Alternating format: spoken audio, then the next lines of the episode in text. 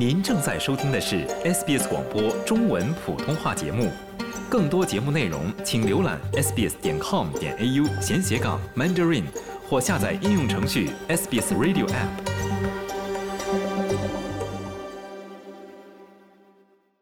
中国官方宣布，一月十日至十一日，在中方的斡旋和促推下，缅军同果敢、德昂、若开等三家缅北民地武组织代表在中国云南昆明举行和谈，并达成正式的停火协议。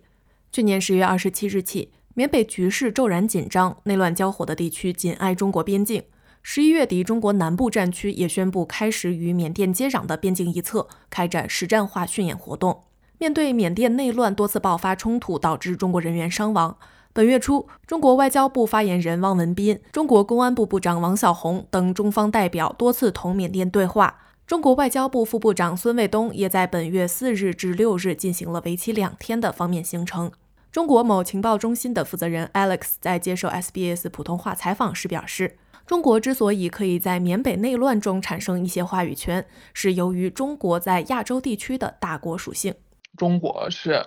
区域性的大国，它在东亚这个地方，东南亚在亚洲还是有一定话语权的。而且中国又现在就是通过“一带一路”项目啊之类的，还是在跟美国有竞争大国这个影响力的。那证明大国影响力最好的机会就是地区冲突的斡旋能力。他如果把这就比如说巴以冲突啊，或者是其他冲突之类，他能就是先于美国把这个。东西斡旋下来了，他把这个事儿谈下来了，那他影响力肯定会进一步的上升。Alex 认为，中国的劝和也最大程度地保证了中国在缅的经济利益，确保在缅铺设的如“一带一路”项目等工程可以顺利继续和开展，尽早和平，然后安稳下来，发展经济，这是中国的第一优先考虑项。中缅之间的发展肯定是双方都愿意互利互惠，然后发展经济。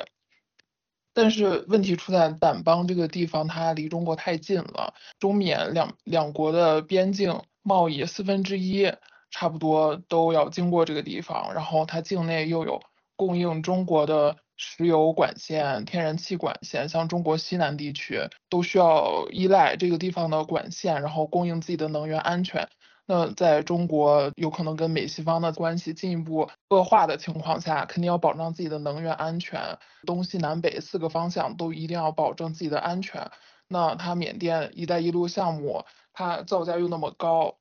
我觉得肯定是以经济为先的。根据中华人民共和国驻缅大使馆显示，缅甸是最早响应“一带一路”倡议的国家之一。昂山素姬国务资政在2018年牵头成立了缅甸“一带一路”倡议实施领导委员会，并亲任主席。此后，两国政府在产能与投资、交通、能源、农业等十二个领域均有合作，其中包括中缅边境合作区、中缅五十千伏电网互联互通、木姐曼德勒铁路、皎漂内比都公路和皎漂深水港等项目。而内乱交火除了直接影响到两国经济项目的铺设，也威胁了参与这些项目的中国公民的人身安全，进而影响到他们参与建设的积极性。缅甸政局它持续动荡下去，对中国在当地的一带一路项目的开展，肯定是存在负面影响的。印象里，缅甸境内的一些反政府组织曾经多次武力攻击过中国的在当地的项目，尤其是掸邦地区啊。掸邦地区有大量中国出资建设的项目设施，然后它每个项目都有很多的中国工作人员跟当地的工作人员。缅甸境内的反政府组织，它攻击这些项目的时候，它不会分辨你哪些是中国人，哪些是缅甸人的，就是类似于是巴基斯坦的一些恐怖组织啊，它袭击你这个“一带一路”项目的时候，通常会做一些自己的自己做的土炸弹之类的。就会对当地的中国的工作人员的生命安全会产生威胁，这也是对中国的利益一个影响，威胁到中国“一带一路”在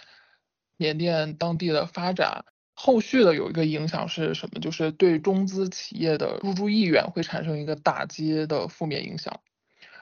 因为一些中国企业看到你这个地方太动乱了，没有投资的环境，然后我的我这边的工作人员过去可能会有生命上的安危。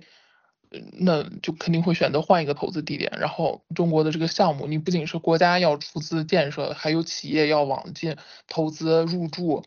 肯定是不利于经济建设的推进的。掸邦地区供应中国的那些石油管道、天然气管线，如果受到战争影响，受到袭击被炸毁了，失去使用功能了，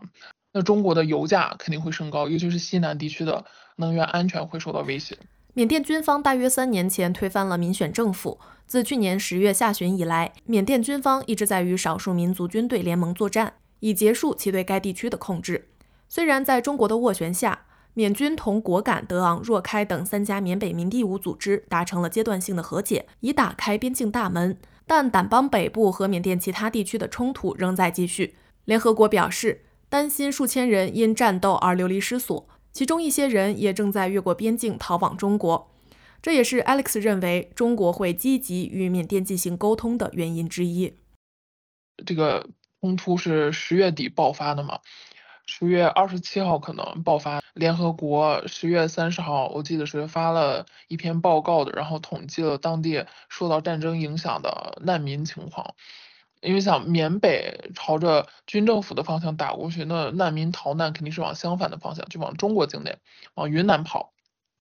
联合国当时说的是有几百个人已经跑到了中国境内。当时我们也针对这个情况，就收到一些客户的需求，就是公安那边要求我们这边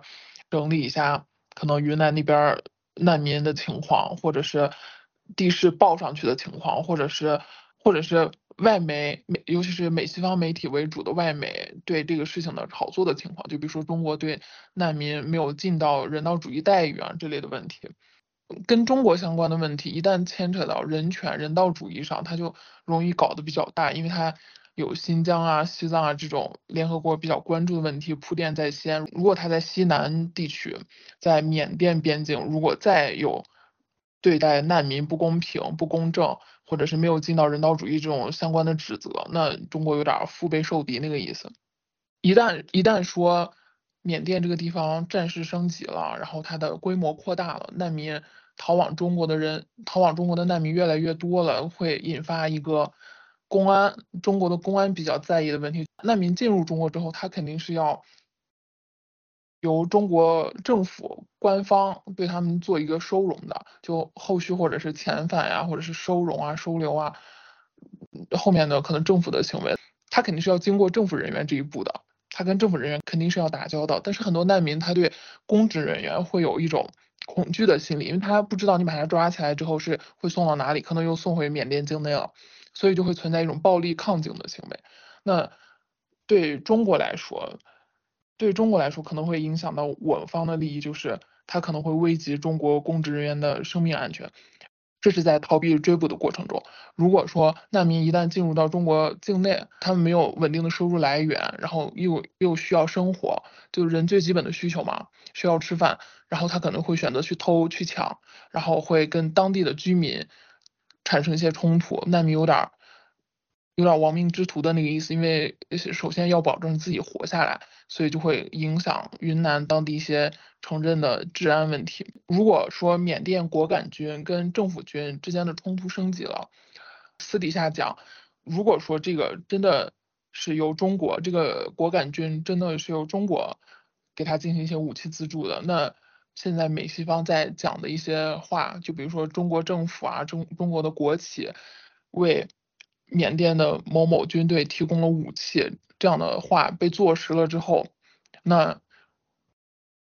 美西方针对中国对中国军火资助其他周边的国家这样子一个负面的话题一出来的话，给中国的国际形象肯定是会带来负面影响的。这种话题如果一旦升级，会被搬到联合国之类的地方啊，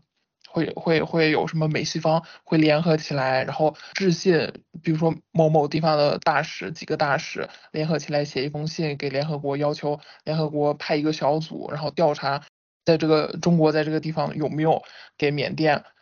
出资？有没有给缅甸运送武器？之前不是还有说法说什么？二零一九年中国云南修了一条铁路，那条铁路就是专门给缅甸运军火的。类似这样的传言，就是传言传的多了，它可能就变成真的了。就且不且不论它是不是真的，传言本身对中国政府就是有威有威胁在的。就比如说。也没有几年吧，就这两年的事情，联合国有个高级专员访华，这个事情就是访问新疆，这个事情让中国上上下下紧张了非常久。就是你联合国的工作组来中国的话，来中国调查，那中国需要做的准备工作就有点非常多了。那如果说美西方针对中国炮制的这个阴谋论吧，也不能说阴谋论，就是中国看来是阴谋论啊，就是政府给缅甸某某军队提供武器这样子的一个话题，如果如果它的舆论的影响力越来越大，对中国的国际地位产生会产生一定的威胁。想听到更多这样的故事吗？您可以通过苹果播客、谷歌播客、Spotify 或者您喜爱的方式下载收听。